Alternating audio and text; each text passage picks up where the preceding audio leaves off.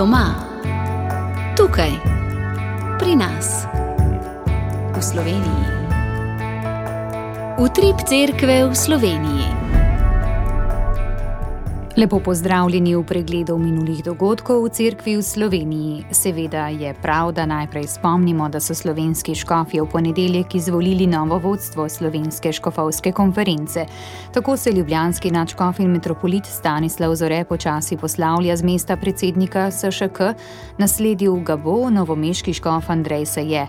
Za podpredsednika je bil izvoljen mursko-soboški škof Petr Štumf, za člana stalnega sveta SŠK pa censki škof Maksimilijan Matjaš.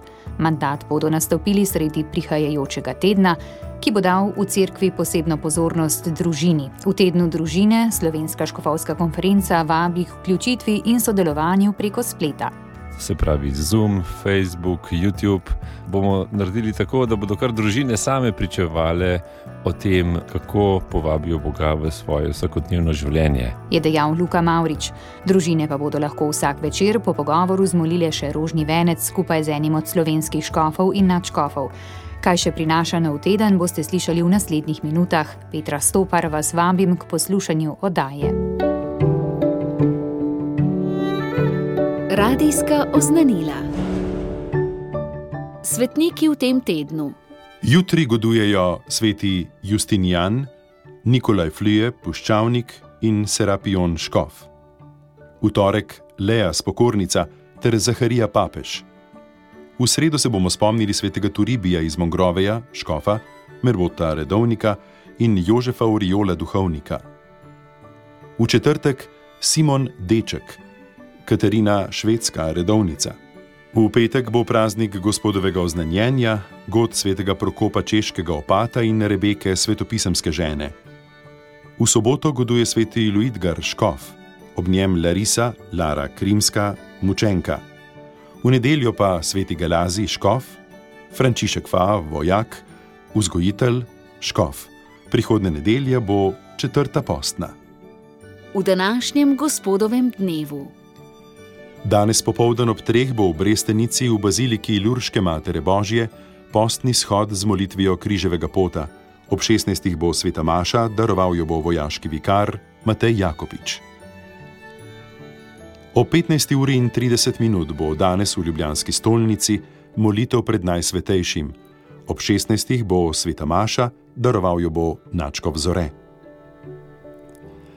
Danes ob 16. uri bo v Hotizi križal pot ob poti, po kateri so božjega služabnika Daniela Halasa peljali v smrt. Sreda. V sredo bo v Kopru, v stolnici Marijinega nebovzetja, ob desetih sveta Maša ob prvi obletnici smrti škofa metoda Piriha, somaševanje bo vodil škof Juri Bizjak. Petek. V petek bo praznik gospodovega oznanjenja. V baziliki svetega Petra v Vatikanu bo ob 17. spokorno bogoslužje, ki ga bo vodil papež Frančišek. Med bogoslužjem bo papež posvetil Rusijo in Ukrajino Marijinemu brezmadežnemu srcu. Sobota.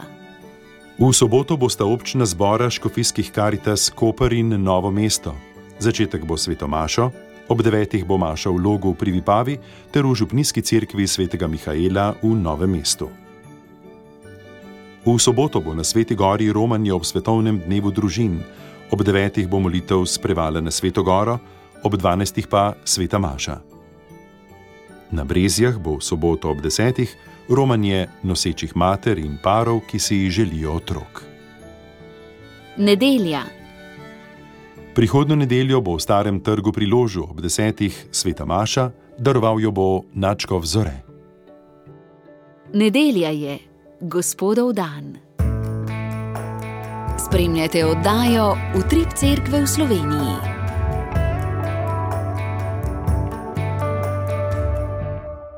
Svoj delež pri sinodi, ki že od lanske jeseni poteka po škofijah v Sloveniji in po svetu, je prispevala tudi Teološka fakulteta Univerze v Ljubljani, ki je pripravila teološki simpozij na temo sinodalnosti. Uvodni nagovor je imel ljubljanski načkov Stanislav Zore, ki je opozoril na vprašanja mnogih, kaj bo ta sinoda prinesla. Tukaj bi rad posebej povdaril misel papeža Frančiška, ki je večkrat izrekel, In sicer, da sinoda ni v prvi vrsti to, kar bomo mi domislili, zanalizirali, kar bomo mi oblikovali v takšne ali drugačne sklepe, ampak je sinoda delo svetega duha in sveti duh je tisti, ki mu moramo biti odprti, ki mu moramo prisluhniti, ki mora vse čas zavestno, zavestno biti navzoč v naših sinodalnih iskanjih, zato da bo ta sinoda res delo svetega duha. Na koncu bo, kakor je to vedno pri sinodi, delo celotne sinode izročeno svetemu očetu, papežu, in papež bo tisti, ki bo predstavil crkvi pobude in tudi sklepe te sinode. Da je glavni protagonist sinode Sveti Duh, je dejal tudi prvi predavatelj, celski škof in izredni profesor dr. Maksimilijan Matjaš. Pa vendar eh, tudi tu pravzaprav vidim eno, eno nevarnost. V nevarnostih je veliko, papež pogosto govori o nevarnostih. Eh, eno je omenil tudi Načkov na začetku, da, bi, da bi bila tudi nevarnost nekega, eh, nekega površnjega pričakovanja nekih sprememb v strukturah, ne, nekega zunanjih sprememb, neke popolne novosti, vse delam novo v tem smislu. Ne. Sinodalnost spada res k bistvu, in to bi, bom poskušal s kratkimi primeri biblični pokazati, k bistvu Eh, crkve. Zato ne sme biti ta, bi rekel, to, to zagibanje, to dogajanje razumljeno samo kot odgovor na neko krizo, eh, nekega, nekega stanja v družbi, ampak res kot povabilo k nujnemu, osebnemu, pastoralnemu ali kako rečemo tudi strukturalnemu, družbenemu in, in, in še kar vse temu sledi, spreobrnenju. Profesorica dr. Barbara Simonič je predavala o sinodalnosti v odnosih. Teološki simpozij pa se je sklenil sklepnim pozdravom in molitvijo, ki jo je vodil mariborski načkof Alojzi Cvikl. Celotnim posnetkom simpozija lahko prisluhnete na spletni strani Teološke fakultete. Spremljate oddajo Utrip Cerkve v Sloveniji.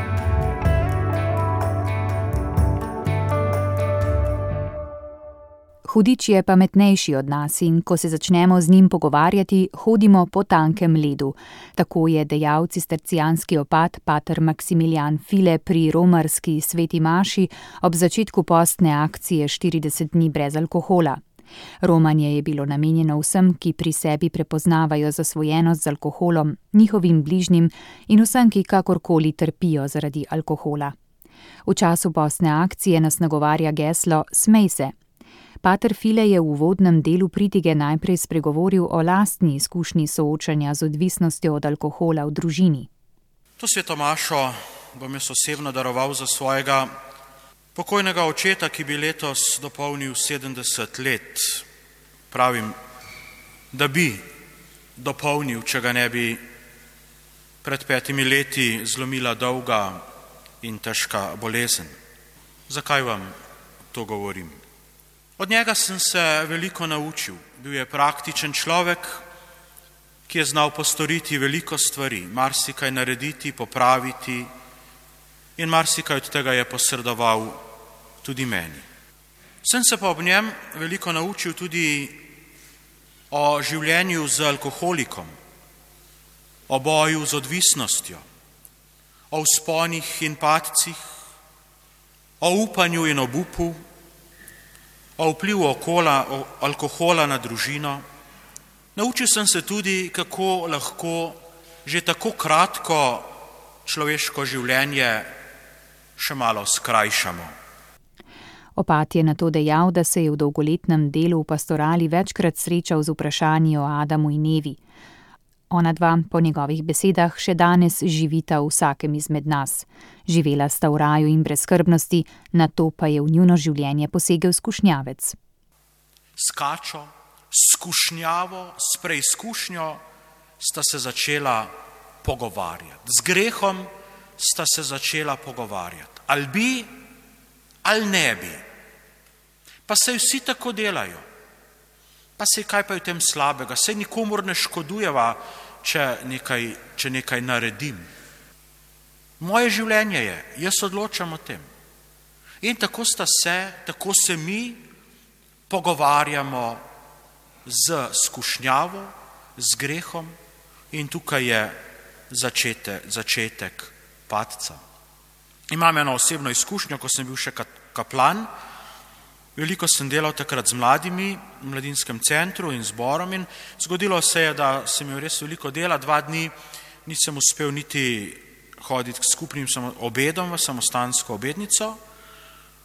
In ko sem tako v soboto zvečer, ko je bilo vsega konec, prišel v svojo sobo, utrujen, izmučen, malo tudi tako izčrpan, ne samo fizično, sem zagledal eno steklenico, ki mi jo je nekdo dal, en, eno vino, 0,75 jagodni izbor in sem si natočil kozarc. In potem sem tisti kozarec pogledal, pa sem si rekel, takih priložnosti bo v življenju še veliko.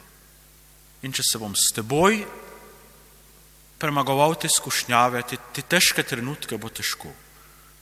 In zlil sem takrat stran, ne samo tisti kozarec, celotno steklenico in nikoli več nisem imel skušnjav. Veste, hudič je pametnejši od nas. Če ne verjamete meni, berite papeža Benedikta XVI. Hudič je pametnejši kot nas, od nas. In ko se gremo z njim pogovarjati, hodimo po tankem ledu.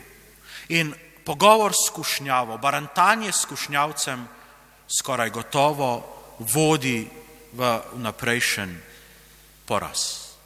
Tako opad pater Maksimilijan File, ki pravi, da Bog odpusti greh, ko ga priznamo in povemo. Spomnil je še, da je Jezus trikrat padel pod križem, a šel naprej. To možnost iti naprej po pacih Bog daje tudi nam in dati si jo moramo tudi sami. Ob 150-letnici rojstva arhitekta Jožeta Plečnika je vlada razglasila leto 2022 za Plečnikovo leto.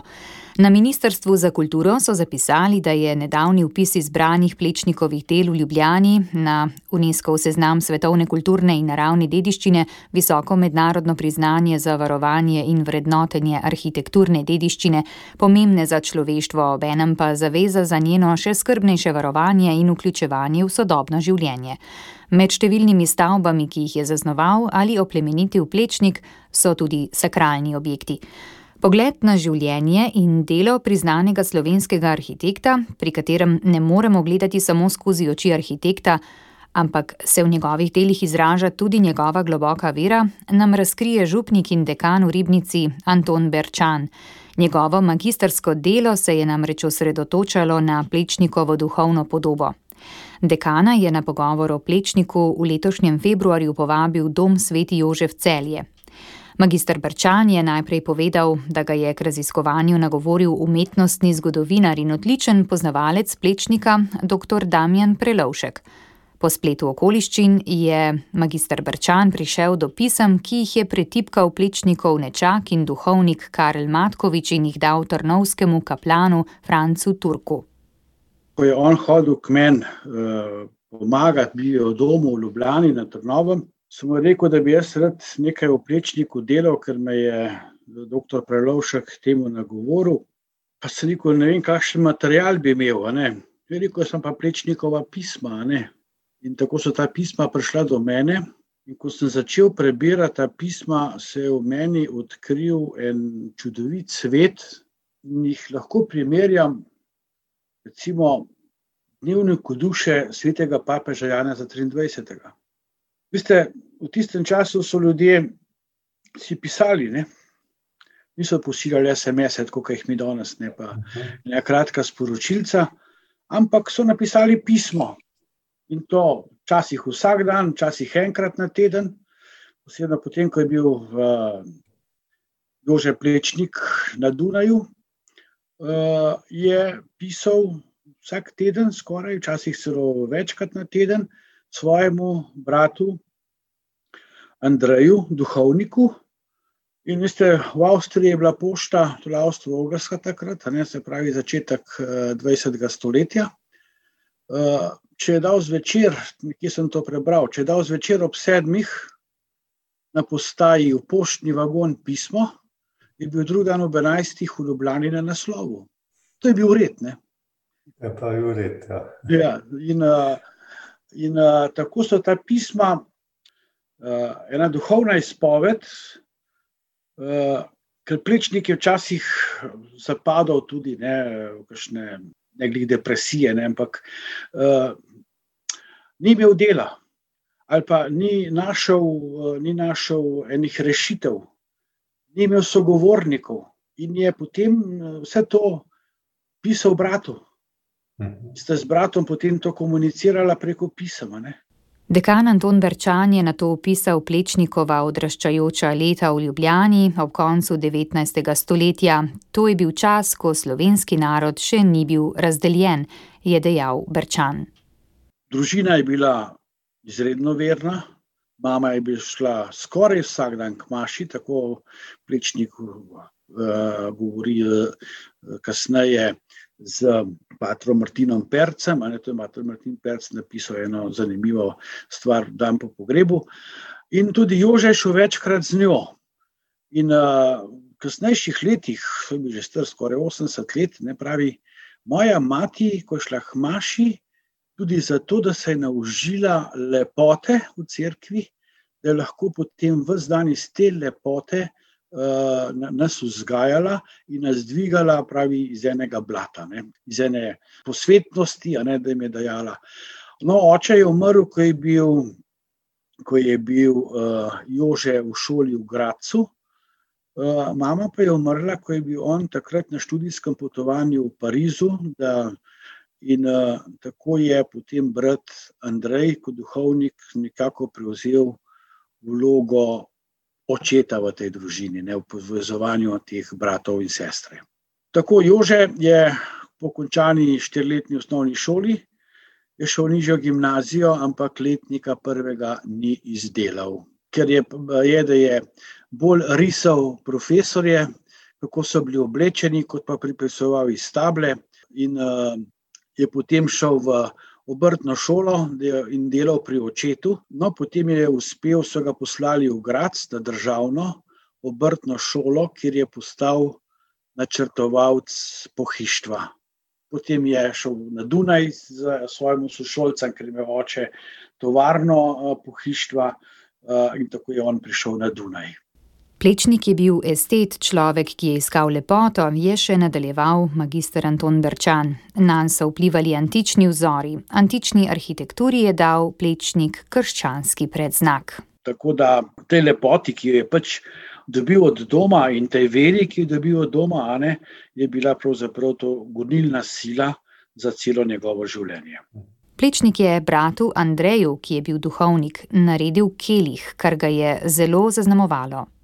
In uh, na Silvestrovo, pravi 31. decembra 56. leta, je ob 8. zvečer pisal o poroko.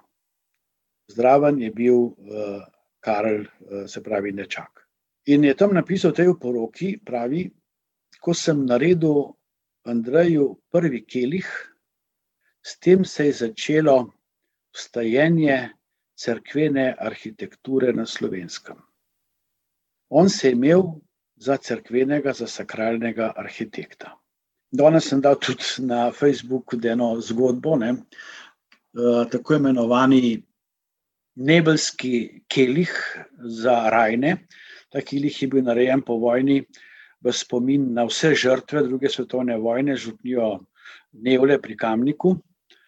Vsi so ga malo pokvarili, ker so šli čašo od zunaj zlatiti, pa bi mogel bi biti vse temno srebrn. In pravi Pater Martin, ki je dal ta kelih delati, pravi, eno uro sva sedela uh, in ta kelih v tišini občudovala. In ko sem začel malo mencati, da se mi modi na vlak, je plečnik vzel v roke kelih in je rekel: Vsak človek po svoje moli Boga, plečnik ga pač takole. Ali v enem prvih pisem, okoli leta 1901, po moje, v tom začetku 20. stoletja, piše bratu Andreju: Andrej, kadar Boga v rokah drži, vse ta stavek sem že nešteto, kad citiral in je tudi citiran, mu reci, da ne lažem, mu reci, da ne rabim denarja, ampak mu reci, naj da mojemu življenju fantazijo, da bom lahko delal in najlepša dela naj bodo zanj, a ne za Boga. Je o plečniku še povedal ribniški dekan Anton Berčan. Celoten posnetek pogovora lahko poslušate na Facebook strani Doma Sveti Jožef Celje. Novi svet, revija za duhovnost, edinosti in kulturo dialoga. V marčevski številki mesečnika Novi svet si lahko preberete. Deset let zavoda živim z majhnimi in velikimi koraki. Pričevanje Franja Toliča iz Cirkulan: Samo novi ljudje gradijo novo družbo. Ob svetovnem dnevu Downovega sindroma pogovor z Matijo in Darjo, dvema mladostnikoma z Downovim sindromom. Tri vprašanja, Petri Kmet iz Šmarja Sap, mladi mamici sedmih otrok. Začetek nove duhovne rubrike: Sveti skupaj. Aleš Ugovšek v kolumni Je trajnost res samo zelena? Novi svet, revija za duhovnost, edinosti in kulturo dialoga. Pred nami je še rubrika Beseda življenja, tokrat z naslovom Popolno odpuščanje. Odpusti nam naše dolge, kakor tudi mi odpuščamo svojim dolžnikom. Matejev evangeliji, šesto poglavje, dvanajsta vrstica. Beseda življenja tega meseca je vzeta iz molitve, ki jo je Jezus naučil svoje učence: Oče naš. Molitev je globoko zakorenjena v judovskem izročilu. Tudi ljudje so Boga klicali in ga kličajo Oče naš. Na prvi pogled nas besede tega stavka močno presenetijo. Ali lahko prosimo Boga naj izbriše naše grehe, kot pravi grško besedilo? Kakor smo sami sposobni storiti s tistim, ki je pogrešil v odnosu do nas. Naša sposobnost za odpuščanje je vedno omejena, površna in polna pogojev.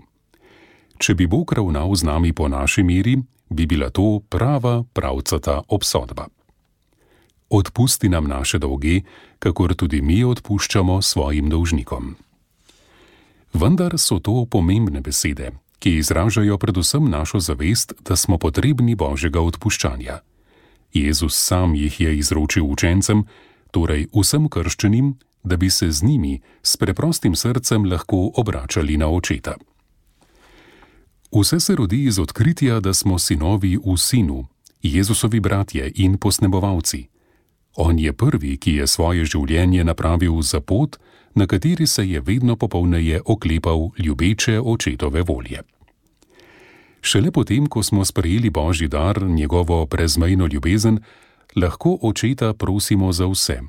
Tudi zato, da nas napravi vedno bolj podobne sebi, celo v tem, da smo sposobni dan za dnem z velikodušnim srcem odpuščati bratom in sestram. Vsako odpuščanje je svobodna in zavestna odločitev, ki jo je treba vedno ponižno obnavljati. Nikoli ne postane navada, temveč je to zahtevna pot, za katero nam Jezus naroča, naj vsak dan molimo, kakor za kruh. Odpusti nam naše dolge, kakor tudi mi odpuščamo svojim dolžnikom. Koliko krat so nas lahko ljudje, s katerimi živimo v družini, v soseščini, na delovnem mestu ali pri študiju, žalili in nam je težko imeti do njih naklonjen odnos. Kaj naj storimo? Prav tedaj lahko prosimo za milost, da bi posnemali očeta. Zjutraj, ko vstanemo, naj bo v našem srcu popolna amnestija, popolno odpuščanje, z ljubeznijo, ki vse pokrije, zna sprejeti drugega takšnega, kakršen je, z njegovimi omejenostmi, z njegovimi težavami, prav kakor bi storila mati svojim otrokom, ki je pogrešil vedno ga upraviči, vedno mu odpusti, vedno upa van. Približajmo se vsakemu z novimi očmi, kakor da nikoli ne bi zagrešil napake. Začnimo vsakič znova, vedoč, da Bog ne le odpusti, ampak pozabi. To je mera, ki jo zahteva tudi od nas.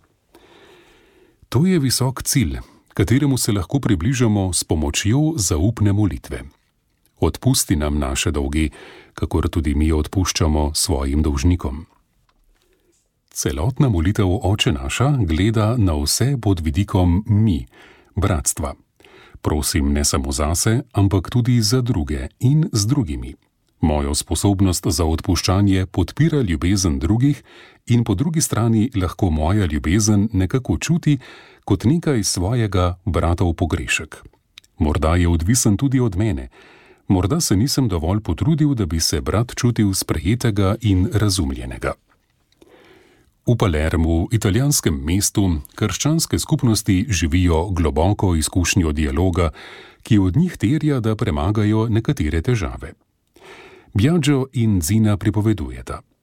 Nekega dne naj jo je prijatelj pastor povabil k nekaterim družinam iz svoje cerkve, ki naj jo niso poznale. Seboj sva prinesla nekaj, kar bi delili pri kosilu.